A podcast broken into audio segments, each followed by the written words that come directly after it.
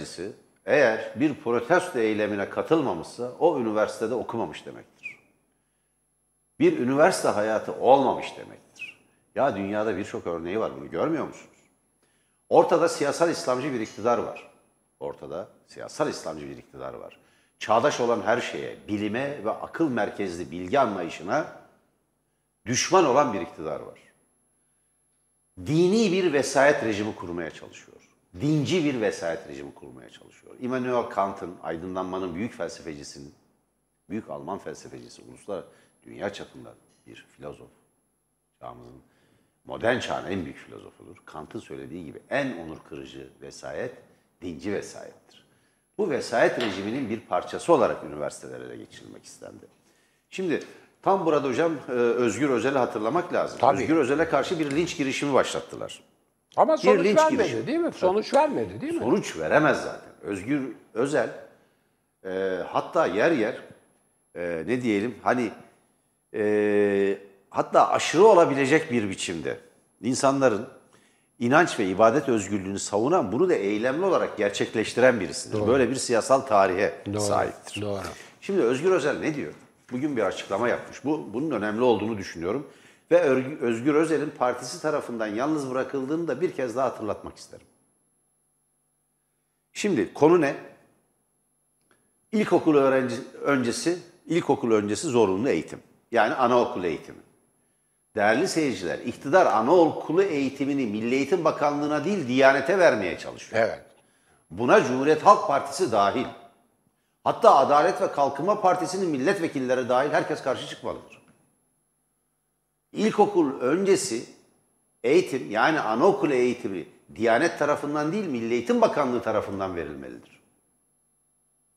Yahu nasıl bir rejim kurdunuz? Şimdi bu partiye siz Müslüman demokrat mısınız dendiği zaman yok hayır kesinlikle biz İslamcı falan değiliz. Biz muhafazakar demokrat partiyiz diye çıkmadı mı AKP yola? Geldiği yere bakar mısınız?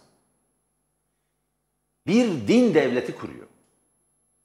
İlkokul öncesi eğitimi dinselleştirmek, dini eğitimi dayatmak. Bakın burada din, ibadet ve düşünce özgürlüğü yok. Özgür Özel bugün açıklama yapmış. Diyor ki eğitimin dini kurumların dini kurumların elinde olması orta çağa ait bir durumdur. Ben bunu anlattım diyor. Tabii, tabii. Son derece doğrudur. Orta çağ arızasıdır bu. Orta çağda bütün eğitim sistemi dini kurumların elindedir. Şeyhülislamların, ulemanın, caminin emrindedir. Okullar din okullarıdır. Medreseler dini eğitim verirler.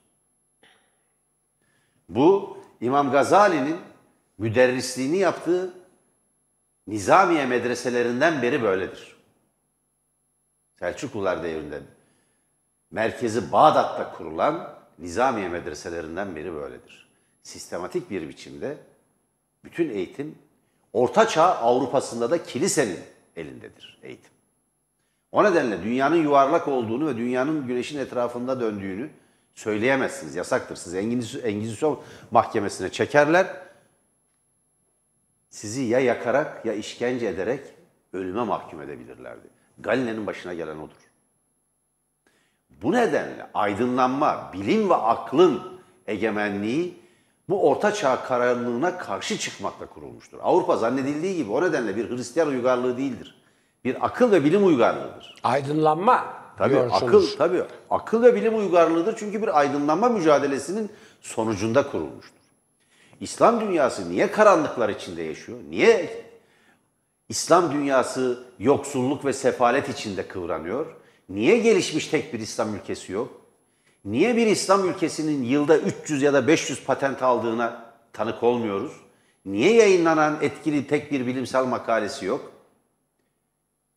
Niye Uğur Şahin ve eşi Türkiye'de değil de ancak Almanya'da Biontech aşısını bulabiliyor? Niye?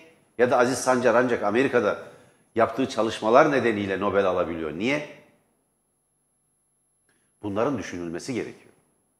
İslam ülkelerinin tamamının bir yılda aldığı patent sayısı 360 iken, örneğin 2010 rakamlarıyla söylüyorum, Güney Kore'nin 3600 patenti var aynı yıl aldı. Aradaki fark budur. Evet. Burada bir arıza var. Özgür Özel de buna işaret etmiş. Mesele insanların din ve ibadet özgürlüğüne karşı çıkmak değil. Hayır. Hayır. Pedagojik olarak 12 yaşından sonra verilmesi gereken bir eğitimi siz ilkokul öncesine kadar taşırsanız kurduğunuz bir din devletidir. Anayasal suçtur. Laiklik ilkesini çiğnemektir. Ve biliyoruz ki hocam iktidarda da laikliğe karşı faaliyetlerin odağı olmuş bir parti var. Oy birliğiyle. Oy birliğiyle.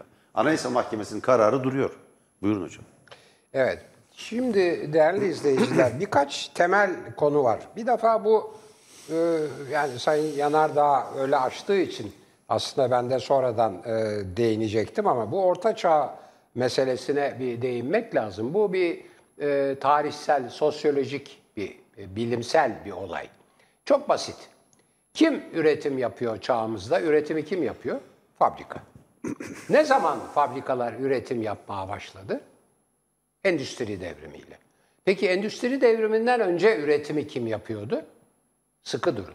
Aile yapıyordu. Nerede yapıyordu? Tarımda yapıyordu. Çiftçilik.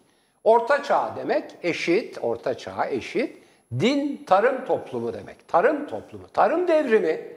Tarım devriminin ilkeleri, kültürü, anlayışı, erkek egemenliği, kaba kuvvete çünkü daha hayvan bile yokken kaba kuvvetle toprağa sürüyor. Birisi bastırıyor, birisi çekiyor toprağa sürmek için. Ondan sonra hayvanı ehlileştiriyorlar filan. Yani tarım devrimi bütün dünyayı değiştiriyor. Çünkü ondan önce toplayıcı avcı zaten yani filan. Ya ondan önce şey e, sürüler halinde yaşıyor insanlar. Aşiret. Atilla geliyor Roma'ya kadar yakıp yıkıyor, yok oluyor. Çünkü orası yerleşik, burası hala aşiret, at üstünde. At avrat pusat malum. O işte aşiret döneminin yani filan. Şimdi demek ki Orta Çağ'da aile yapıyor üretimi. Şimdi e, fabrikalar yapıyor falan falan. Şimdi o da değişiyor ya. Yani bilişim devrimi diyoruz dördüncü aşamasında insanlık insanlık e, devrimlerinin dördüncüsünde toplayıcı, avcı, tarım, endüstri, bilişim. Bunu unutmayın. Böyle bakacaksınız olaylara. Şimdi sıkıntı maalesef Orta Doğu ve Uzak Doğu'da bazı ülkeler ve Kuzey Afrika'da bazı ülkeler hala Orta Çağ'da kalıyor. Orta Çağ'da kaldığı için de tarım devrimi ilkeleriyle, inançlarıyla ve kültürüyle yaşıyor. Başında da din geliyor. Olay buradan kaynaklanıyor. Bu, bu kadar basit. Orta çağda çünkü üretimi aile yapıyor. İlk eğitim din dahil aile içinde veriliyor. Sonra da orada gelişiyor. Devletin yaptığı, günümüzde devletin verdiği eğitimi batıda kilise, doğuda e, Şeyhülislam medreseler işte imam vesaire işte her köydeki imam vesaire yapıyor. Din. Yani olay bu. Orta çağ yapıyor. Eğitim orta çağda din kurumlarının işi. Batıda kilisenin, doğuda da İslam ülkesinde de yani güya İslam'da şey yok denir. E, hani hiyerarşi yok denir ama Şii İslam'da mesela tamamen bir mollalar hiyerarşisidir. İran'ı hala yönetiyorlar. 12 kişilik mollalar yönetiyor. Cumhurbaşkanının da üstünde. Meclisin de üstünde. Bunları bilmiyorlar. Biliyorlar, söylemiyorlar. Halkımız da öğrenmiyor. İran'da İslam demokrasisi filan diyorlar. 12 tane molla yönetiyor. Kimin aday o, kimin kimin cumhurbaşkanı olabilip olamayacağına o mollalar heyeti karar veriyor arkadaşlar. Böyle bir şey olay. Neyse. Şimdi bir defa bu, bu, bu ortaçağ lafı Özgür Özel'in fevkalade doğru bir sosyolojik, tarihsel bir tanımdır. Hiç çocuğa saldırmaya gerek yok. Üstelik bu fevkalade demokrat, bugün gene bu Boğaziçi'li öğrencilerin duruşmasındaydı. Tele 1'de çekmişsiniz, kutlarım çocukları. Gayet güzel e, Röportajımız var. Röportaj var. Yani Özgür Özel e, bütün özgürlüklerin, her türlü özgürlüğün, ifade özgürlüğü başta olmak kaydıyla savunucusudur. Onun için zaten 4-6 yaş arasındaki Diyanet'in böyle bir beyin yıkama diyeceğim. Bu eğitim falan değil. E, çünkü bir başka sorun daha var. Hemen ona da işaret edip toparlıyorum. Daha başka söyleyeceklerim var ama öbür konuşma sırasında söylerim. E, bir de Milli Eğitim Bakanlığı'nın normal ilk orta yani 4 artı 4 artı 4 ilk orta lise aslında ama onları değiştirmek için her tarafın hepsini İmam Hatip'e uygun din eğitimi verebilmek için 4 artı 4 artı 4 yaptılar. Her üç düzeydeki eğitimde sıkı durun hatırlatıyorum bilinmeyen bir şey değil. Ahlak eğitimi, değerler eğitimi filan diye protokol imzalayarak, protokol imza, resmen protokol imzalayarak tarikatlara Milli Eğitim'in görevini, eğitim görevini, Milli Eğitim Bakanlığı'nın e, hocalarının yapacağı eğitimi tarikatlara protokol yaparak, para vererek devretti. Bunu da unutmayın. Evet efendim. Evet hocam şimdi e, bir kez daha altını çizerek belirtelim. Taliban'la kurumsal bir ilişki kuran, İhvan'ı destekleyen, İhvan hareketi, Suriye'de dinci bir iç savaşta taraf olan AKP hükümeti, örneğin Kazakistan'daki olaylarda devre dışı kaldı. Nedeni şu, Türk dünyasının İslam'ı anlama ve yorumlama anlayışının tamamen dışında Arap gericiliğini ideolojik hat olarak belirlemiş ve bunu din diye topluma dayatan bir iktidarla yüz yüzeyiz. Bakın Kazakistan nüfusunun %70'i Türk, Kazak Türk'ü. Kazakça konuşuluyor resmi dil. İkinci resmi dil Rusça ama kaldırdı Nazarbayev onu. Kiril alfabesini de değiştirip Latin alfabesine geçtiler. %20 oranında e, Rus var, ciddi bir nüfus Kazakistan'da. Diğer %10 da işte Özbek, Kırgız, e, Galiba Uygur hatta gibi. küçük oranda bir Alman nüfus da var galiba. Evet, kalıntı Al- şeyden kalıntı, kalma, evet, eskiden evet, kalma. Ukrayna üzerinden Evet, gelmiş. Orada bir turuncu darbe, hep turuncu devrim denir ama bir Sorosçu darbe denemesiyle karşı karşıya olduğumuz açık. Ama onun yanı sıra dün 5. boyut programına Evet. Çok Tele1'in, iyiydi, çok Tele1'in evet hocam Moskova temsilcisi Mahir Esen Evet, katıldı. evet, çok iyiydi. Ve çok ayrıntılı bilgiler verdi. Hiçbir kurumda, hiçbir kanalda, hiçbir e, egemen medya kuruluşunda göremeyeceğiniz, karşılaşamayacağınız bilgiler bunlar. Şimdi bir ezber var bir yandan hemen ya orada despot bir yönetim var, yolsuzluğa batmış vesaire. Bunlar doğru. Onların hepsini Mahir Esen tekrarladı. Onlar hepsi doğru. Bunların hepsi doğru. Bir e, yolsuzluk ekonomisinin insanları bunalttığı ve hayat pahalılığı yani yapılan zamların da e, bardağa taşırdığı da bir gerçek. Doğru. Nedeni bu. Geniş kitleler katılıyor ama bundan yararlanmaya çalışan Sorosçu bir takım adına da sivil doğru. toplum kuruluşları denilen örgütler var. Bu da doğru. Tabii. Kazakistan için demokrasi hareketi mesela. Merkezi Kiev'de. Şimdi bunu fırsat olarak değerlendiren Batı ve Amerika Soros üzerinden, Sorosçu kuruluşlar üzerinden bir ikinci Ukrayna yaratabilir miyiz denemesine girişti. Bakın e, Kazakistan, şimdi Kazakistan'ın üye olduğu birkaç kurum var. Bir, Bağımsız Devletler Topluluğu var. Kazakistan'ın katıldığı. İki, Kolektif İşbirliği Örgütü var. Ee, işte oradan paraşütçüler öyle geldi. Rusya, Ermenistan dahil, Kırgızistan, Özbekistan eee, gibi ülkeler buraya dahil. Bir de Türk Devletleri Birliği var. Bizim kurduğumuz kültür de onun içinde. Türk devletleri Evet, bildiği Türk diye de. Devletleri Teşkilatı Evet. var. Evet. Şimdi biz, bakın. biz kurduk onu. Bütün dünya Türk Devletleri Teşkilatı üzerinden Türkiye'nin de duruma müdahale etmesi gerektiğini düşünür ya da beklerken bu olmadı. Nedeni şu, nedeni şu. Kazakistan Fethullahçı örgütleri ilk yasaklayan, okulları ilk kapatan ülkeler arasında. Çünkü Türkiye'yi laik bir cumhuriyet olarak, Mustafa Kemal'in kurduğu bir devlet, modern bir devlet ve ülke olarak düşündükleri için Türkiye ile kurdukları kurumsal bütün ilişkileri geri çektiler. Evet. Öğrenci değişim programını kaldırdılar çünkü burada Fethullahçı çeteleri, çetenin yurtlarına yerleştiriyorlar ve oraya dincilik empoze etmeye çalışıyorlar. Bakın e, Kazakistan'daki Türk nüfusu yani Kazak nüfusu, Kazak Türk'ü nüfusu ya da Türkiye toplulukların hemen hemen tamamı Sünni Müslüman. Evet. Fakat bunu bir Türk gibi, bir Türk yorumuyla edinmişler. Son derece seküler ve laik bir anlayışla benimsemişler. Nursultan Nazarbayev. Tabii. Yani bugünkü yönetimdeki ya yönetimdeki birçok uygulaması eleştirilebilir ama çıktı dedi ki biz Türk'üz. Müslümanız bununla da gurur duyuyoruz. Ama bu Müslümanlığı biz Araplar gibi yaşamayacağız. Biz eşlerimizle, kadınlarımızla birlikte at süren, Evet, onu söyledi. at süren bir töreye, bir tarihe sahip. Kadın, O nedenle saygılı. kadınlarımızı Araplar gibi giydirmeyeceğiz. Şeriatçılara izin vermeyeceğiz dedi. Fethullah Gülen çetesinin bütün okullarını kapattı. Tayyip Erdoğan ve AKP o zamanlar bunu protesto ediyordu. Tayyip Erdoğan'ın partisi değil. Tarikatlere izin vermedi vesaire. Çünkü orada zemin bulmaları mümkün değil ve zemin de bulamadılar. Özbekistan'dan biraz daha farklı. Özbekistan'da bir zemin buldukları açık. Bugün Kazakistan'daki olaylarda Türkiye'nin taraf olmaması, yani bir etki etmemesi e, bu konuda bir söz söyleyecek gücünün ve kabiliyetinin olmamasının tek bir nedeni vardır. Türkiye Cumhuriyeti'nin laiklik karşıtı İslamcı bir iktidarın elinde olmasıdır. Başka hiçbir nedeni yok. Buyurun hocam. Şimdi değerli izleyiciler, e, ikinci üzerinde Ha, durmak pardon şey diyeyim o kolektif işbirliği örgütü de oraya barış gücü gönderdi. Ha üstelik. Ağırlıklı olarak Ruslar bakın Ermeniler bile var. 71 Ermeni askeri var. Evet. 200 Özbek, Kırgız askeri var. Ağırlıklı olarak tabii binlerce bir Tugay'da Rus askeri var. Evet. Türkiye yok. Evet. Şimdi Türk dünyasından dışlandı. Buraya şeriat ihraç etme ihraç etmeye kalktılar ya. Olacak iş değil. Doğru. Doğru. Şimdi bu e, ikinci söyleyeceğim işte buydu zaten. Yani şimdi e, değerli izleyiciler, e, Türkiye'nin durumunu dün biraz değinmiştim. Hatta tarihi olarak anlatmaya kalktım, çalıştım.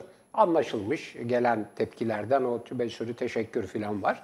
Yani Birinci Dünya Savaşı sonrası dünya biçimlenirken Türkiye'de Mustafa Kemal Atatürk dünya tarihini değiştiriyor. Tarihi değiştiriyor. Başka hiçbir şey yok. Tarihe göre Osmanlı yıkılmış, yok olmuş. Öyle de olması lazım. Tarım döneminde kalmış çünkü. Endüstrileşememiş. Orada müthiş bir şey yapıyor. Tarihi değiştiriyor. Birinci Dünya Savaşı'nın galip devletlerini yeniyor.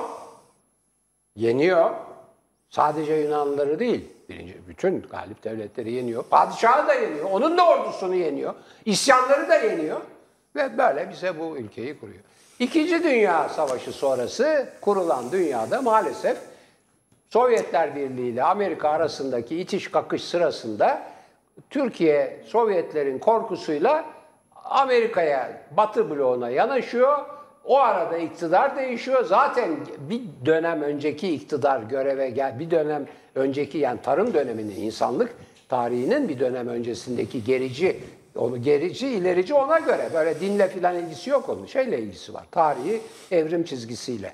Endüstri devrimi öncesilerin, önceki egemenlerin temsilcileri iktidara gelince Türkiye'de işler e, çok fenaya gidiyor. Ondan sonra tekrar 61 Anayasası biraz düzeltiyor derken iki e, emperyalistlerin desteğiyle yapılan darbe tamamen karşı devrim darbeleri 12 Mart ve 12 Eylül tekrar Türkiye'yi bugünlere getiriyor. Şimdi bugün Sovyetler çöktüğü zaman ben de bakın ben de ben de e, gerçekten iyimser olduğum için galiba biraz yanılmışım. Dedim ki ya Sovyetler çökünce bu komünizm tehlikesi ortadan kalkacak. Komünizm tehlikesi ortadan kalkınca kahrolsun komünizm ve komünizmle mücadele dernekleri, CIA'nin filan destekli baskıları ki sadece komünistlere değil zaten Komünist Parti üyeleri dedim ya e, Menderes zamanında hepsini tutukladılar 186 kişi hepsini. Kim varsa Türkiye'de komünist hepsini tutukladı Menderes ki onların iktidarını desteklemişti solcular. Hep böyle hatalar yapılıyor tarihsel olarak. Marksistlerin hep böyle hataları var. Bu, bu iktidarı da bir bölümü destekledi. Neyse. 186 kişi. Neyse ya 184 kişi o, o kadar. Şimdi o şeyleri yani e, komünizme karşı e, yapılan CIA destekli emperyalistlerin büyük paralar dökerek ve kültürü de egemenlikleri altına alarak yaptıkları saldırı bitecek. Çünkü bu saldırı komünizmle mücadele adı altında bütün solu buna sosyal demokrasi kadar yumuşağı da dahil her türlü sosyalizmi, komünizmi, bilimseli, bilmem e, ütopiyi falan hepsini yok eden, yok etmeye çalışan, demokrasiyi yok eden ve ve tabii bağımsız olduğu için ve bağımsızlıkçı olduğu için Atatürkçülere, Atatürkçülüğe karşı bir hareketi. Dedim ki ya işte Sovyetler... Neyse ki hocam baş edemediler. Şimdi 186 kişi değil de yani binlerce hatta milyonlarca komünist var. Bir- Birçok parti var. Birçok parti. Tabii Milyonlarca fikirleri komünist var öldüremezsiniz. Fikirleri öldüremezsiniz. 186 kişiyle başladı. Bugün milyonlar var. Milyonlar var. 1 milyon 800 bin diyelim en azından. Ha bir de şey var, CHP, SHP, CHP içindeki sosyal demokratlar filan var yani Tabii. kaç milyon. Neyse. Şimdi do- dolayısıyla olay Sovyetler çöktükten sonra böyle ben olumlu bir şeyler filan beklerken maalesef şimdi daha başka bir mantığa büründü. Yeni Rusya maalesef e, Avrasya üzerinden başlayan stratejik bir çatışmanın e, merkezi oldu. Buna karşılık Amerika Orta Doğu'da, Kuzey Afrika'da ve Uzak Doğu'da stratejik hamleler yapıyor.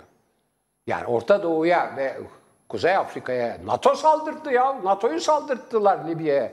Dehşet verici bir şey yani. Dolayısıyla o şimdiki stratejik savaş maalesef devam ediyor. Ve maalesef bu Sovyetlere karşı yürütülen din ve milliyet ideolojileriyle gelen saldırı şimdi sonuçlar da vermeye başladı. İşte Türkiye radikal İslam'a karşı model, ılımlı İslam, Amerikancı İslam filan diye abuk sabuk olmayacak bir takım şeylerle desteklendi. Başımıza bu sıkıntılar geldi. Şimdi burada işte bu Kazakistan olayını filan böyle görmek lazım. Ukrayna olayı da öyle, onu da öyle görmek lazım.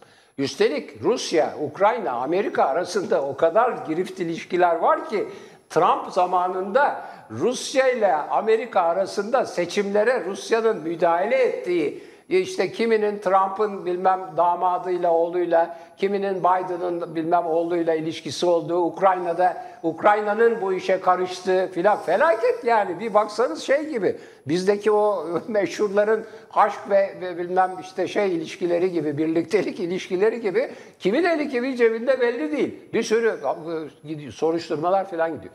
Şimdi mesele budur. Diyalektiği unutmayın. Keşke aklar ve karalar olsa tarih. Evet. Keşke. Onun için Kazakistan'da hem baskı var, hem yolsuzluk var ama hem de ekonomik sıkıntıların yarattığı halk hareketi var ve hem de Batı'nın parmağı var. Maalesef hepsi beraber geliyor. Maalesef toplumsal olaylar, tarihsel olaylar tek bir kişinin veya tek bir sınıfın yüzde yüz lehine ve yüzde yüz aleyhine Hocam olmuyor. hocam biz de bu olguya işaret ettiğimiz için Evet. dün akşam bazı seyircilerimiz orada despot despotizme destek verdiğimizi zannetmişler. Yok canım. Saçma sapan ben bir şey. seyrettim programı hiç öyle bir şey olmadı. Yani Mahire sen de biz de aynı şeyi söyledik. Yani orada bir yozlaşmış yönetim olduğunu, bir yolsuzluk bataklığı oluştuğunu, halkın pahalılık, zamlar ve baskıya karşı bir kendiliğinden hareketi ve bir patlamasının söz konusu olduğunu ama bunu Batı, Amerika ve Sorosçuların kullanmaya çalıştıklarını Evet, ve evet, rejime karşı bir e, başkaldırıya, bir kalkışmaya dönüştürdüklerini, Tabii, y- ikinci bir Ukrayna yaratmaya çalıştıklarını belirttik. Olgular tam da böyle hocam. Çok iyi Aynen. ifade ettiniz. Ya diyalektik bir yaklaşımla olayları çözümlemeye çalışmadığınız zaman anlayamazsınız. Anlamazsınız. Birçok yüzü var. Anlamazsınız. Hocam çok önemli bir dava sonuçlandı. Biraz Evet. sonra da Sayın Kılıçdaroğlu hakkında Kılıçdaroğlu'na ilişkin, onun Cumhurbaşkanlığı adaylığına ilişkin e, önemli bir konuya değineceğim. Ama ondan önce Malatya'da zirve yayın evi davası değerli seyirciler. Cinayet. Tabii. Korkunç. İkisi Türk, biri Alman ki üç kişi de Alman vatandaşı. Malatya'da Zirve e, Yayın Evi diye bir yayın evi binası var. Bu bina, bu yayın evi aynı zamanda Hristiyanlıkla ilgili kitaplar da basıyor. İncil'i filan Evet, da basıyorlar. İncil de basıyor, Hristiyanlık kitapları da basıyorlar. Genel olarak kitap da basıyorlar. Bu yayın evi basılarak üç kişi boğazları kesilip öldürülüyor. Dehşet verici. Şimdi bu olayı neye bağladılar biliyor musunuz değerli seyirciler? Ya Ergenekon davasına. ya bir generali Kumpas davalarının en Hayret. önemlilerinden biriydi. hayret bir şey. En önemlilerinden biriydi. İkinci Ordu Komutanlığı yapmış. Malatya'da ikinci Evet, Ordu Komutanlığı. Hurşit Tolon Ergenekon davasında tutukluydu. Biz beraber yargılanıyorduk. Ve Hurşit Tolon'la konuştum. Ya bir tertip kuruyorlar. Beni Malatya'daki zirve yayın evi davasına bağlamaya çalışacaklar dedi. Ve hakikaten oldu. Biz bunu kendisiyle konuştuk. Buradan kendisine selamlarımı iletiyorum. Çok da vatansever Yani bir, bir, e, bir Ergenekon komutandır. duruşmalarında da çok ciddi bir direniş sergilemiş komutanlardan biridir. Birinci Ordu Komutanlığı da yaptı. Ve daha da önemlisi bir şey, Kürt sorununun Amerikasız ve Barzani'siz çözülmesi gerektiğini savunan generaller arasındadır. Evet. evet. Bilenler bilir, bilenler bilir. Onun için Bilenler zaten, bilir. onun için saldırıyorlar. Görüşme notlarında, avukatların İmralı görüşme notlarında vardır. Oraya okuyun veyahut benim Cumhuriyet'in Sonbaharı kitabına bakarsanız orada göreceksiniz. Cumhuriyet'in Sonbaharı kitabına. Dönüyorum, dönüyorum. Değerli seyirciler, orada cinayeti işleyen kişiler hakkında ağırlaştırılmış müebbet cezası verildi ve Yargıtay bunları onayladı. Peki, ikinci Ordu Komutanıymış. Olayı da nasıl bağladılar biliyor musunuz hocam? Hurşit Tolon 2008'de, 2007'de cinayetten önce 2. Ordu Komutanı davet ediyor. Eşli bir davet yapıyor. Türk Silahlı Kuvvetleri'nde gelenektir. Ordu komutanları daha önce ordu komutanlığı yapmış, kolordu komutanlığı yapmış e, komutanları yani kendilerinden kıdemli olan komutanları davet ederler ve onları ağırlarlar. Ordu evinde ağırlarlar. Eşli bir ziyaret. O ziyareti gerekçe göstererek cinayeti Ergenekon'a bağlayacaklar ya. Hurşit Tolon'u durduğu yerde şeyin zirve e, katliam, zirve yayın evi katliamını Malatya'da sanığı yaptılar. Şimdi zirve yayın evi katliamı ne zaman yapıldı değerli seyirciler biliyor musunuz? Bildiğim kadarıyla 18 Nisan 2000, evet 18 Nisan 2008. Bas. Yayın evi basılıyor ve içerideki 3 kişi boğazları kesilerek öldürülüyor. Tam Kim? Si- Silivri. Evet. Silivri duruşmalarının devam Tam, ettiği, evet. başladığı, kumpasın başladığı Evet, dönemde. kumpas. Peki neden yapılıyor? Kim yapıyor bunu? O bölgedeki dinci, İslamcı, faşist bir grup. Tıpkı Hrant Dink'i katledenler. Aynen, gibi. aynen. Trabzonlu bir faşist dinci çete buldular ya. Öyle bir çete. Şimdi Hurşit Tolan beraat etti değerli seyirciler. Kumpas davasının bir sonucu. Ve Hurşit Tolon gibi, Hurşit Tolon gibi bu kumpasa da- dahil edilmeye çalışılan herkes beraat etti. O dört kişi, cinayet işlenen dört kişi müebbet hapse mahkum oldu. Ve sıkı durun. Gizli tanık bugün 18 yıla mahkum edildi. Ya ya. Evet. İftira suçunda. Peki gizli tanık kim? FETÖ'cü. Dehşet. Aynı zamanda Fethullah Gülen terör örgütü davasının sanıkları içinde oradan da mahkum olmuş durumda. Sıkı durun. Bir kişi daha mahkum oldu 13 yıla. O kim? Fethullahçı çetenin jandarma mahrem imamı. Bu kumpası kuran, azmettiren, bu cezalar az. Şimdi isimlerini okuyayım. Peki. Bakın, emekli orgeneral Hurşit Tolon'un da aralarında bulunduğu 13 mağdur. 13 mağdur var burada. Mağdur. Dosyada da mağdur oldukları kabul ediliyor. Ne yapılıyor? İftira bakın. İftira, hürriyetten yoksun kılma çünkü tutuklamaya yol açıyor. Hurşit Tolon bu davaya dahil edildiği için fazladan bir buçuk yıl hapis yattı.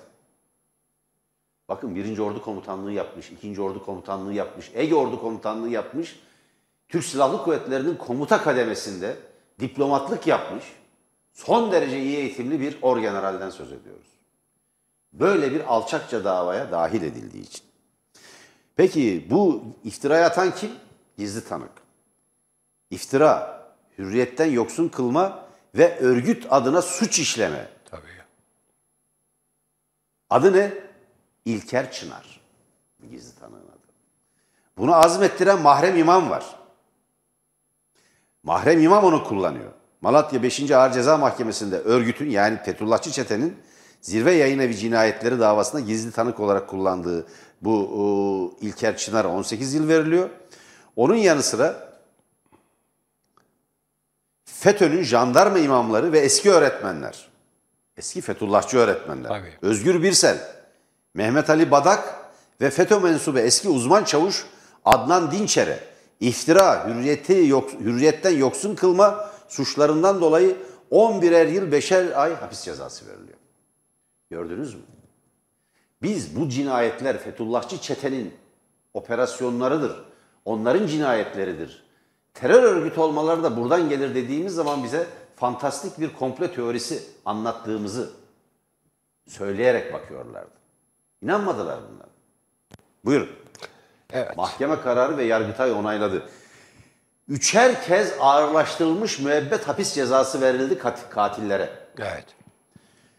Peki bu kumpas Fethullahçı çetenin tek başına yaptığı bir iş olabilir mi hocam? Mümkün değil tabii. Mümkün değil. İktidarın desteğiyle. Tabii. Bugünkü iktidarın desteğiyle. Bugünkü iktidar aynı mantıkla, aynı mantıkla güya aynı mantıkla İstanbul Belediyesi'ne, Belediye Başkanı Ekrem İmamoğlu'na, CHP Genel Başkanı Kemal Kılıçdaroğlu'na ve yeniden bu millete kumpas kurmaya kalkıyor.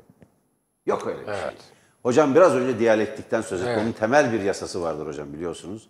Aynı derede iki kez yıkanılmaz. Doğru. Buna bu millet geçit vermeyecek. Evet.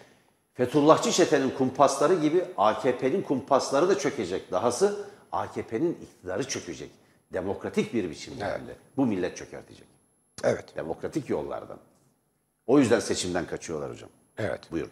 Şimdi değerli izleyiciler hep gündemimde önce e, bir haber, e, iki kişiye ilişkin bir haber ve bir temenni sunacağım size. Duymuşsunuzdur muhtemelen. Yılmaz Özdil sevgili kardeşimiz. Ona tekrar buradan bir geçmiş olsun Evet. diyelim. Bir Covid, Covid- nedeniyle Covid oldu. karantinada yenecektir o hastalandı. hastalığı. Evet ve o öyle tek kurşuna hiç vız gelir. İkincisi e, bu gece zaten e, programı abi, olduğu için. Uğur abi, Uğur Dündar. O da e, e, bir e, Covid-19 koronavirüsle mücadele ediyor. Ben ikisiyle Fakat de programa katılacak Skype'la. Evet, Programda Skype'la. olacak, kendisi açıklayacak zaten. e, sevgili Namık benim Edirne Sancak Bey'i dediğim Edirne'den çok güzel haberler verdi. İçişleri Bakanı saldırdı, hiç gerilemedi. Hiç gerilemedi. Hiç ona, onun için onu Sancak Bey'i yaptım. Ee, şaka bir yana. Ee, Değerli seyirciler, e, Tele1'in komutanı e, Emre Bey Estağfurullah. hocamdır. Estağfurullah. Spartakistlerin Estağfurullah. bize rütbeleri genellikle Estağfurullah. Emre Hoca dağıtır. Estağfurullah. Ha, verdiği rütbeyi de geri alır, onu söyleyeyim yani. Estağfurullah. Evet. Bazen başarısız. Estağfurullah. O ke- Teşekkürler soruyorlar hocam. ya ne diyorsun sen böyle giriyorsun diye. Spartakistler diyorum. Spartakistler. Bu çocuklar size bu bu görüntüleri Köleci gelmesini- düzene ayaklananlar, bu- bu Spartaküs'ün gö- Bu, askerleri, görüntüleri bu görüntüleri size takipçileri. Aktaran çocuklara benim verdiğim isim onlar kölelik düzenine ayaklanmış Roma İmparatorluğundaki hem de ona köleliğe dayalı. Ve Alman devrimcilerine de. Ve, ve Alman Alman devri. devrimciler. Ondan sonra Rozalar şunlar bunlar. Kendilerine Alman- Spartakist ismini Evet, verdiler. Evet Spartakistler ve şey onlar e, gerçek devrimcilerdir. Roma'dan başlar Birinci Dünya Savaşı'na kadar e, hatta sonrasına kadar İkinci Dünya Savaşı'na kadar devam eder. Spartakistler. Odamar. Evet. Şimdi e, dolayısıyla hem Yılmaz'a hem e, Uğur'a geçmiş olsun diyorum. Ben ikisini de aradım.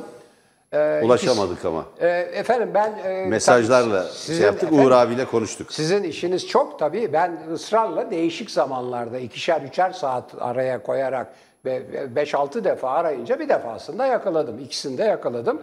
Sesleri fevkalade, gayet dinamik geliyor. Moralleri iyi. At, çıkıcı atlatacağız diyorlar. Hiç kuşkum yok. Hele Uğur, yani Uğur bir de gençliğinde can kurtaranlık yapmış şeyde, Yeşilköy'de. Ya bayağı o can kurtaran filmlerinde Hala filan. dinç, hala yakışıklı, müthiş, müthiş. hala fiyakalı. Ayrıca da bir o, Amerika'da birisi buna terbiyesizlik etti aldı ayağını. Hiç affetmez. Uğur müthiştir. Yılmaz derseniz zaten o çok da genç. Tabii ben hemen söyleyeyim buradan da kulaklarını çınlatayım. Yılmaz hastalandı, Uğur hastalandı. Ben hemen Müjdat'ı aradım. Dedim ki ya sıra sana geliyor galiba. Çünkü onlar çok yakındır. Dedim ki telefondan virüs filan bulaşmasın. Uzak dolaş bunlardan diye onu da uyardım. Müjdat'a da buradan sevgilerimizi yolluyoruz. Sevgilerimizi iletiyoruz Müjdat abi. Şimdi bu bu e, esprini güzel haberle çünkü hastalık haberi iyi değil ama iyi oldukları ve sağlam atlattıkları haberi güzel.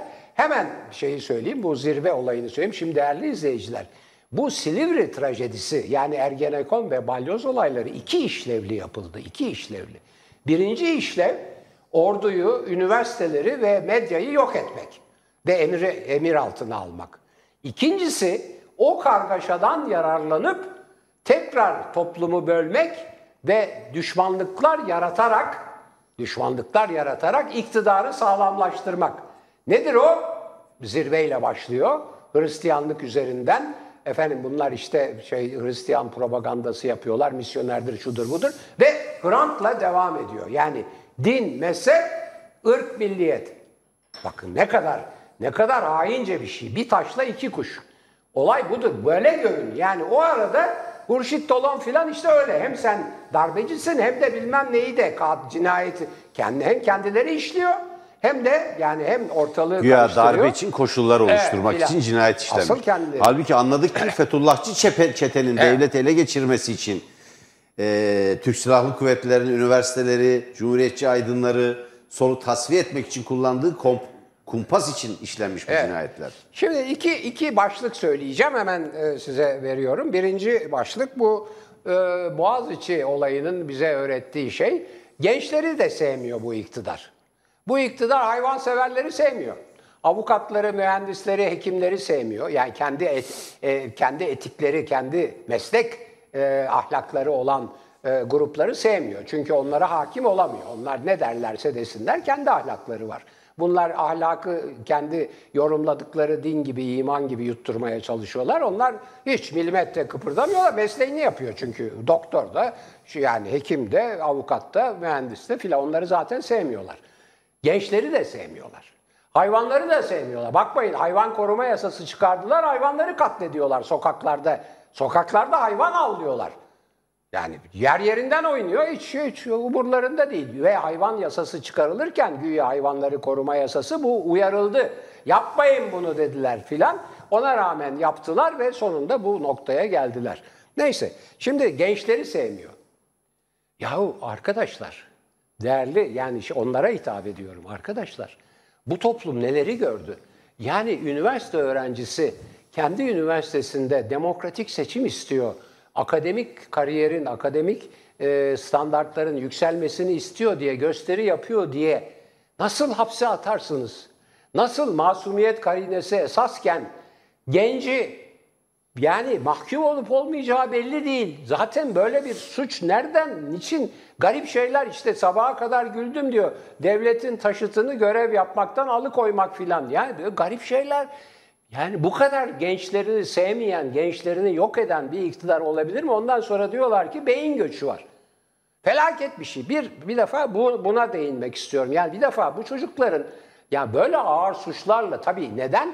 Çünkü bir gün evvel çocuklar söylüyorlar ifadelerinde bir gün evvel şahsım devletinin sahibi bunlara terörist dedi. Hemen durumdan vazife çıkaranlar da buna bunlara işte ne uydurabiliyorlarsa aldılar, hapsettiler ve tutuklu yargılıyor. Olur mu? Gösteri yapan genci tutuklu nasıl yargılarsınız? Nasıl ondan sonra e, denetim koyarsınız? Yurt dışına çıkması yasak haftada bir şey filan. Neyse bu bir. İki, şimdi kaybedecekleri belli oldu ya seçimi. İki propaganda dönüyor. Ona hemen söyleyeyim, hemen veriyorum. Birinci propaganda bunlar gitmez propagandası. İkinci propaganda da herhalde Kılıçdaroğlu'nun adaylığı kesinleşiyor gibi Millet İttifakı içinde. Açıklayacağım biraz sonra Evet, onu. onu siz söylersiniz. O Kılıçdaroğlu olursa olmaz, vermeyiz filan. Çünkü ne olursa olsun İstanbul'u almak istiyor. Yani şu ah şu İmamoğlu'nu bir oradan kıpıldatsa ki bugünkü İstanbul Büyükşehir Belediyesi'nin belediye meclisi bütün İstanbul'daki bütün ilçe belediye meclisleri gibi gayrimeşru. Kim söylüyor? Ben söylemiyorum. Yüksek Seçim Kurulu söylüyor. Ner- Nereden söylüyor? Çünkü Ekrem İmamoğlu'na atılan oyun aynı zarfının içinden o belediye meclisi seçimlerine ilişkin oylar da çıktı ve o oyları geçerli sayıyor. Aynı zarfın içinden bir tek İmamoğlu'nkini say- saymıyor geçerli 31 Mart'ta. Sonra da tekrar 23 Haziran'da seçim yaptırıyor. Yalnız İmamoğlu ile yapılması meşru değildir. Hepsini yaptıracaktı. Hepsini. Niye yaptırmıyor? Çünkü meclise Çünkü bütün almış. belediyeler gidecek. Tabii bütün ilçe belediyeler gidecek bir İstanbul İstanbul meclisine 24 gidecek. belediyeyi kaybetmiş oluyorlardı Evet. hocam. Böyle şey olur. Bunlar yani 23 Haziran seçimleri de meclisler açısından Ve ilçe belediye ve başkanları ilçe belediye açısından. başkanları açısından gayrimeşrudur. Açıkça söylüyorum burada. Ben söylemiyorum çünkü. Yüksek Seçim Kurulu söylüyor. Aynen 16 Nisan 2017 halk oylamasındaki yasalara aykırı sonuçların da geçersiz olduğu gibi. Buyurun efendim. Çok haklısınız hocam. Dolayısıyla ortada meşruiyet zeminini giderek kaybeden bir iktidarla e, yüz yüzeyiz, karşı karşıyayız. Hocam dün biz 5. boyut programında önemli bir konuyu açıkladık. Hemen e, buradan belirtelim. Cumhuriyet Evet. Halk Partisi'nin adayı, Cumhurbaşkanı adayı. Bakın Millet İttifakı'nın değil.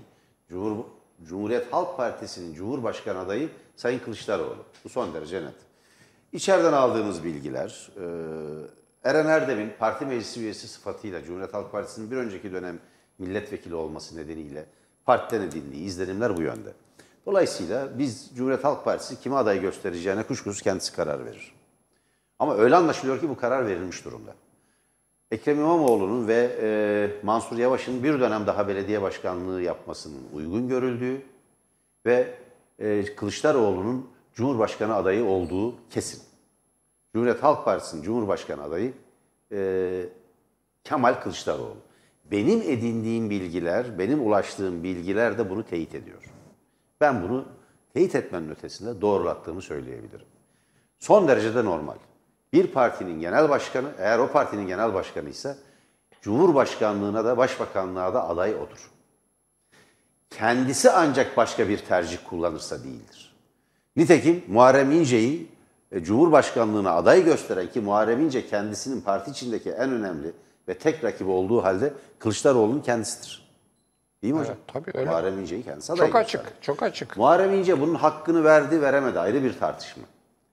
Biz veremediği kanısındayız. Veremediği kanısındayız ama onun adayı gösteren Sayın Kılıçdaroğlu'ydu. Meral Akşener'in de, dün belirttim, Meral Akşener'in de Cumhurbaşkanlığına değil, Başbakanlığa aday olduğunu ilan etmesi. Yani güçlendirilmiş parlamenter rejim dedikleri rejimi kurana kadar o rejimden sonra yani geçiş döneminde aday olmayacağını güçlendirilmiş parlamenter rejim kurulduktan sonra yapılacak seçimlerde iktidar için, başbakanlık için aday olacağını söylediğini hatırlarsak O eğer, anda zaten belli Evet, oldu evet. işler. söylediğini de hatırlarsak eğer ve belediye başkanlarının e, Cumhurbaşkanı adayı olmasını istemediğini düşünürsek eğer Kılıçdaroğlu'nun ortada tek bir aday kalıyor. O da Sayın Kılıçdaroğlu. Peki buna Saadet Partisi'nin ve e, Demokrat Parti'nin itiraz ettiği düşünülebilir mi? Ben böyle bir itirazın söz konusu olmadığını öğrenmiş bulunuyorum. Öyle tabii. Onun ötesinde Sayın Babacan ve Sayın Ahmet Davutoğlu'yla da ben programlar yaptım. Onlardan da edindiğim izlenim böyle bir adayla karşı olmayacakları yönündeydi. Dolayısıyla Millet İttifakı'nın adayı olma ihtimali de son derece yüksek. Adayıdır demiyorum ama son derece yüksek. Onu belirtmek isterim. Şimdi eee, ben bunu şu nedenle anlattım hocam. Bir ayrıntı var. Sürekli tekrarlanarak genel kabule dönüştürülmeye Bravo, çalışılıyor. evet. Bu ayrıntı önemli. Şimdi bakın Kemal Kılıçdaroğlu'na oy verirsiniz, vermezsiniz. Seversiniz, sevmezsiniz. Bu ayrı bir şey. Bir siyasi değerlendirme yaparsınız, yapmazsınız. Bu ayrı bir şey. Ben Bir Gün gazetesindeki restorasyon başlıklı yazımda Türkiye'nin önünde üç yol olduğunu anlattım. Benim tercih ettiğim devrimci demokratik bir cumhuriyetin yeniden inşa edilmesidir. Kendi tarihsel temelleri üzerinde yeniden yükselmesidir. Bu başarılır mı, başarılamaz mı? Bu ayrı bir bahis ve ayrı bir tartışma. Ama ortada bir gerçek var. Dün Kemal Özkiraz burada Avrasya Araştırma e, Merkezi Başkanı Kemal Özkiraz Tele1 adına yaptığı adına yaptığı, bizim isteğimizle yaptığı bir araştırmanın sonuçlarını açıkladı. Bugün de kamuoyuyla paylaştı. Orada bir şey söylüyor. Ee, Kemal Kılıçdaroğlu'na o oy e, şimdi oradaki kararsızları ayrıştırmışlar hocam. Çok önemli. İkiye bölmüşler. Kararsızım ama büyük bir ihtimalle Kılıçdaroğlu'na oy verebilirim diyenler var. Kararsızım ama büyük bir ihtimalle oy vermem diyenler var. Onları ayrıştırmışlar. Şimdi büyük bir ihtimalle e, oy veririm diyenlere ayrıca sormuşlar. Bu çok önemli bir şey. İki araştırmada 600 kişiye ayrıca sormuşlar. Demişler ki neden kararsızsınız? Yani muhalif misiniz siz? Demişler ki yok oy veririz Kemal Bey'e ama kazanamayacağını düşünüyoruz. Bu yüzden. Ama Evet, aday olursa oy tabii. veririz. Bu çok önemli bir ayrıntı. Çok önemli bir ayrıntı. Şimdi iki şey var. Bir, adayın yıpratılması söz konusu olabilir mi? Açıklanma, açıklanması halinde. Ya Kemal Kılıçdaroğlu'na söylemedik laf bırakmadılar da. Yıpratılacak bir şey yok. Kemal Kılıçdaroğlu yıp- yıpranmıyor. Ona saldıranlar yıpranıyor tam tersine. Türkiye artık onu geçti. Yani ağza alınmayacak her şey söylendi. Cibilliyetsizdendi. dendi. Yani cinsi cibilliyeti belli değil dendi. CHP'ye çöplük dendi, pislik dendi. Bunların hiçbirisi hakaret sayılmadı. Tırnak içinde birisi diktatör deyince hemen hakaret sayılıp hakkında işlem yapılmaya çalışıldı. Siyasi bir terminoloji içinde kalarak, siyasal bir zeminden ayrılmadan veya bir gazetecilik terminolojisi içinde yöneltilen eleştiriler veyahut muhalefetin yönelttiği, yönelttiği her eleştiri neredeyse hakaret sayılıyor. Biraz önce saydım daha da fazlaları var. Tabii daha da pislik, ruhu bir kara, bölümünü sayamazsınız çirkef zaten. vesaire bir bölümünü saymak burada hakikaten şey Terbiyenize de aykırıdır, suç olur zaten. edebimize, terbiyemize uygun değil. Bunların hepsini söylemiş bir iktidarla yüz yüzeyiz. Sokakta şey tutuyoruz, mikrofon tutuyor bazı YouTube kanallarına çalışan genç e, arkadaşlarımız, gençler. Mesela bir AKP'li, işte belli işte Rahmani bir sakalı var filan işte cübbesi var, takkesi var. Dinsiz diyor bunlar. Niye diyorsun? Nereden biliyorsun? Bilmiyor, öyle diyor. Onu da demişsin. Diyeceğim başka bir şey yok ama bu millet artık bunu yemiyor. Artık yemiyor. En sonunda iç savaşta tehditte kadar vardırdı işi. Çünkü bir gezi kompleksi var. Kazakistan'daki olayları görünce burada da böyle bir patlama olabilir korkusu nedeniyle kalktı. Biz de sokağa çıkarız, sizi gideceğiniz yere kadar kovalarız demek durumunda kaldı. Tehdit etti. İç savaşla tehdit etti. Bu tehditin de tutacağını zannetmiyorum. Çünkü bu tehdidi savuracak bir gücü, kabiliyeti, yeteneği, iktidarı yok artık. Ama devlet- böyle bir devlet- böyle bir böyle bir meşruiyeti yok. Devlet güvenlik güçlerinden söz etmiyor hocam o. Halktan söz ediyor. Daha kötü. Tabii. Ama işte onları 15 kullanıyor. Temmuz gibi diyor. Onları kullanabilir. Böyle onun için bu iktidar için ölecek bir kitle yok artık Türkiye'de. Ortada meşruiyetini de giderek kaybeden yani yüzde yüz zam yapmış. Halk perişan ve açlık içinde yaşıyor. Yani açlık sınırının altında milyonlarca insan, yoksulluk sınırının altında ise 10 milyonlarca insan var.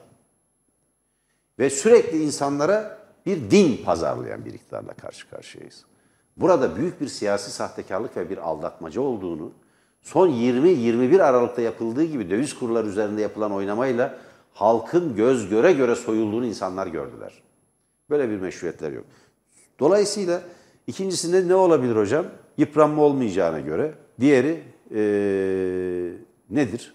Yani diğer ihtimal nedir? Hani adının aşınması olmayacağına göre öyle bir ihtimal yok.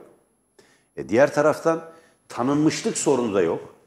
Yani Kemal Kılıçdaroğlu Türkiye'de Recep Tayyip Erdoğan ne kadar tanınıyorsa en az o kadar tanınıyor. Türkiye'nin en tanınmış ismi Tabii, işte. tabii, ismi. Dolayısıyla bugünden açıklanmasının ardında da herhangi bir sakınca yok. Kılıçdaroğlu bir şey söylüyor. Diğer taraftan Kılıçdaroğlu aday olduğunu söylüyor aslında. Gözden kaçırdığımız Tabii, bu. tabii. Diyor ki Millet İttifakı eğer beni seçerse bundan onur duyarım. Bir. Daha başka bu. şeyler de söylüyor. Evet. Ben aday olurum diyor. Dolayısıyla mesele Millet İttifakı'nın yönetici kurullarındadır. Evet. CHP'nin adayı tektir. Öyle anlaşılıyor. Benim çıkarttığım yorum bu. Doğru. Katılırsınız, katılmazsınız, bunu eleştirirsiniz, eleştirmezsiniz. Bir başka gerçek de şu. Bütün kamuoyu araştırmalarında Kemal Kılıçdaroğlu Recep Tayyip Erdoğan'a göre açık ara ileride. En az 10 ila 15 puan üzerinde. Evet. %50'nin üzerinde ve ilk turda kazanıyor seçimi. Evet. İlk turda kazanıyor. Evet, evet. Buyurun hocam. Evet, şimdi değerli izleyiciler çok hızlı 2-3 şeye değindi, cümle olarak değineceğim. Ee, ama bu Kılıçdaroğlu'nun adaylığı meselesine pazartesi günü ben ayrıca değineceğim onun derinliğine. Ama bu konuda bugün bir değerlendirme Evet, hemen yapacağım. yapmanızı Şimdi- isterim şimdi hocam. siz- yani ne düşünüyorsunuz? siz? Siz bir... ben de- bir bilgiye dayalı Evet. olarak konuşuyorum. Ben de ona bir dedim. Bir, Evet. aday olduğu belli oluyor. Nereden belli oluyor? Millet İttifakı beni aday gösterirse onur duyarım dediğinden. Ona ben bir diye e, ekledim. Çünkü dikkat edin bütün konuşmalarında birinci tekil şahıs konuşuyor. Hesap soracağım diyor yolsuzluk yapandan. Kanunsuz emre itaat eden bürokrattan hesap soracağım diyor. Gelince diyor gençlere olanak tanıyacağım diyor. Kadınlara diyor özgürlük vereceğim diyor. Adalet sağlayacağım diyor. Hep bunları söylüyor. Bir, iki, üç. Şimdi bir şey daha söyledi. Bence asıl Kılıçdaroğlu'nu e, iktidara taşıyacak veya Cumhurbaşkanlığına taşıyacak laf oydu. Dedi ki biz bugün muhalefette bütün kararlarımızı Millet İttifakı içinde danışarak ve e, uzmanlarla görüşerek, onlarla danışarak alıyoruz. Geldikten sonra da dedi iktidarımızda da böyle yapacağız. Bu fevkalade önemli. Ne diyor çünkü? Ben diyor ceberrut dediği dedik yumruğunu vuran filan bir adam olmayacağım. Ben diyor bütün Millet İttifakı içindeki ve dışındaki demokratik bileşenleri demokratik bileşenleri dikkate alarak iktidar olacağım diyor. Bu fevkalade önemli. Bunun üzerinde pazartesi günü duracağım. Bir de iki iki şey birer cümle. Hocam arkadaşlar sıkıştırıyor. Biliyorum. Eee, kaybedeceği iktidardan korktuğu için iktidar bunlar gitmezi bastırıyor. İnanmayın anneannem söylemişti bana. Onu da pazartesi anlatırım ne anlattığını. Allah rahmet eylesin. Bir de tabii bir de eee, sosyal medyada böyle Atatürk fotoğraflı filan bir takım hesaplar. Kılıçdaroğlu olursa oy vermeyiz, kahrolsun bilmem ne filan diye. Troll onlar, troll. Yani troll müdür, sahtekar Troll, mıdır provo- yoksa sahtekar belli bir, troller. belli bir siyasi görüş de var böyle ona karşı olan. Hocam ulusalcı yetmez ama evetçiler olabilir. E işte o da var. AKP iktidarını destekleyen. Evet, Şimdi bizden sonra bekleyin. Evet, bizden sonra değerli seyirciler, demokrasi arenası var. Uğur Dündar'ın sunduğu demokrasi arenası. Buradan Uğur Dündar'a, Uğur abiye tekrar çok geçmiş olsun diyorum. Uğur Dündar programa katılarak Skype'la programı hem yönetmeye hem durumu anlatmaya çalışacak. Kolaylaştırıcı olarak da e, stüdyoda arkadaşımız Namık Koçak bulunacak. Programın konuklarını hemen ben teker teker sayıyorum. Cumhuriyet Halk Partisi'nin İzmir Milletvekili, eski Türkiye Gazeteciler Federasyonu Başkanı Sayın Atilla Sertel. İyi Parti Genel Başkan Danışmanı, Baş Danışmanı Sayın Aytun Çıray. Bornova Belediye Başkanı ki kendisi de Covid'li. Yani bu programın konukları arasındaydı. Programın böyle bir talihsizliği oldu hocam. Ee, Ama evinden katılacak, Evet, evet. Mustafa İğdu da e, Covid e, hastası. Kendisine de buradan Mustafa Bey'e de çok geçmiş olsun diyoruz. İyi dileklerimizi iletiyoruz. E, ve Bornova Belediye Başkanı Mustafa Evet, Mustafa İdu ve e, eski Devlet ve Kültür Bakanı Sayın Fikri Sağlar. Kolaylaştırıcıda Tele1 programcılarından iz, e, izleyici temsilcimiz Namık Koçak olacak. Ve yine arkadaşlar şimdi kulağımı ilettiler. E, Sayın Profesör Doktor Ahmet Saltık. Ha o çok Halk önemli. sağlığı uzmanı. O çok önemli. Hem Covid'i değerlendirecek hem aşıları hem gündemimizdeki bu yeni varyantlar var. Neydi hocam adı? Ee, Omikron. Omikron. Omikron Ha, varyantı. önce delta çıktı, Evet. bu omikron. Ee, Profesör Doktor Sayın Ahmet Saltık da demokrasi arenasında olacak. Biraz sonra sizlerle birlikte olacaklar. Tele1'den ayrılmayın. Hoşçakalın. Herkese iyi hafta sonları diliyorum. Evet, bütün e, bizden sonraki katılıcılara sevgiler, saygılar. Özellikle Ahmet Salta müthiş Uğur'la filan ilgilendi. Şeyi de var, girin hesabına bakın sosyal medyada. Ta- tavsiyeleri de var, unutmayın. Sağlığınızı koruyorsunuz, haysiyet ve şeref onu koruyorsunuz. Mümkünse paranızı da koru, koru- koruyorsunuz. Fırsatçılık yapmayın.